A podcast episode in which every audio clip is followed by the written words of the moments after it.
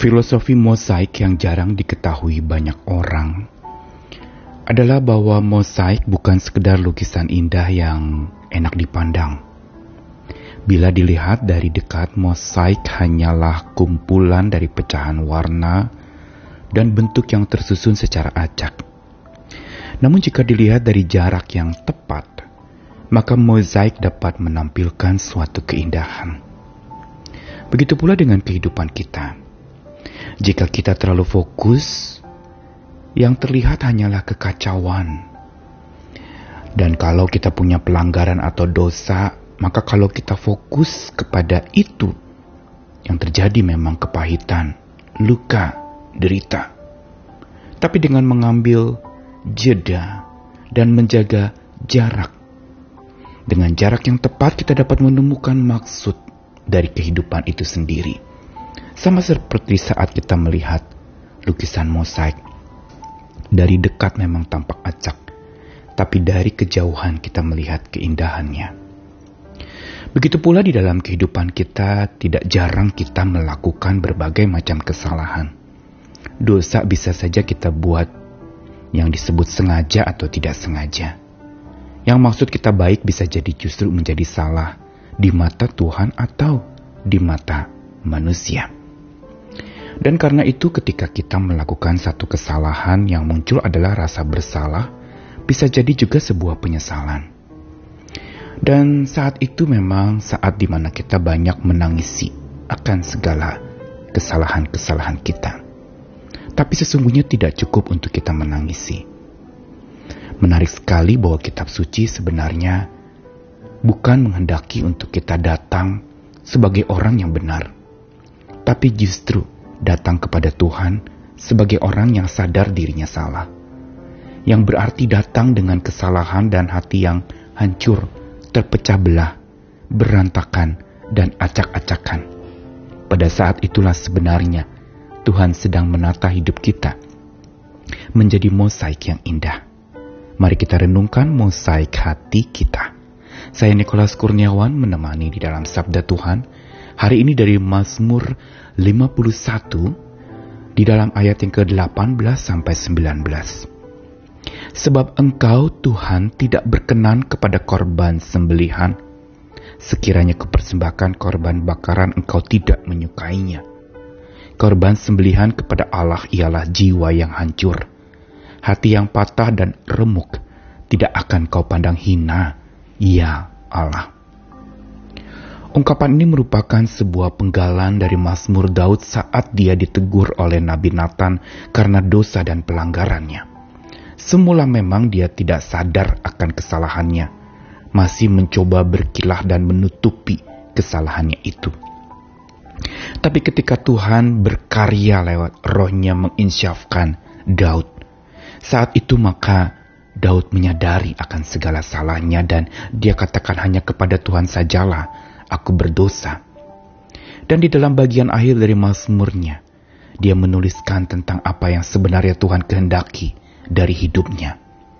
Biasa memang ada ritual pada masa di mana Daud hidup saat ketika orang melakukan kesalahan, mereka mempersembahkan korban sembelihan, korban bakaran, tetapi di dalam Mazmur ini Daud justru mengatakan Tuhan tidak berkenan kepada korban-korban itu.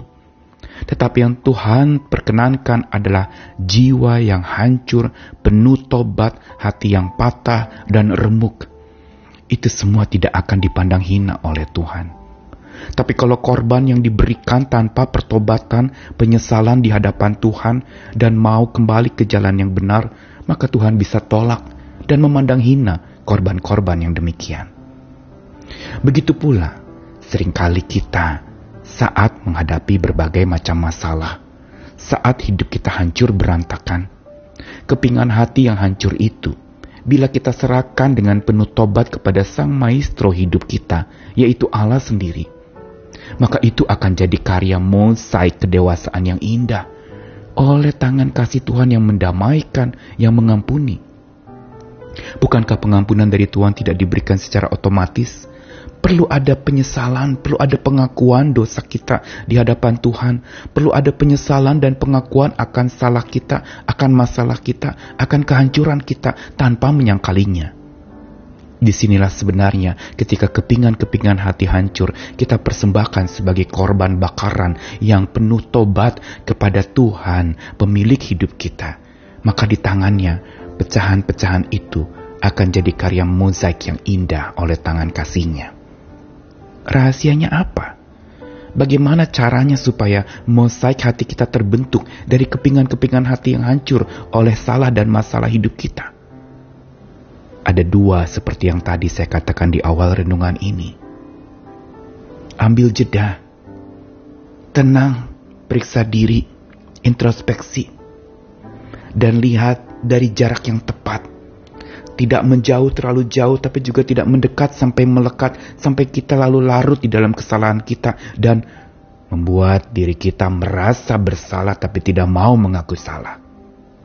Karena itu, marilah kita datang kepada Sang Maestro hidup kita agar mosaik hati kita terbentuk menjadi mosaik kedewasaan yang Tuhan tenun begitu rupa.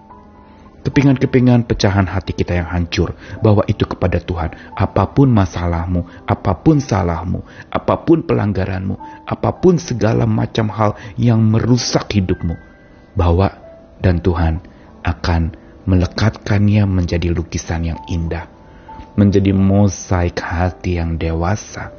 Karena kita datang dengan tobat, bukan datang dengan pongah, datang dengan rendah hati dan mengaku salah, berserah diri di hadapan Dia yang paling mengetahui isi hati kita. Kita tidak bisa sembunyi di hadapannya. Karena itu, datanglah dengan hati yang hancur. Hari ini saya tidak tahu apa yang sedang kau alami.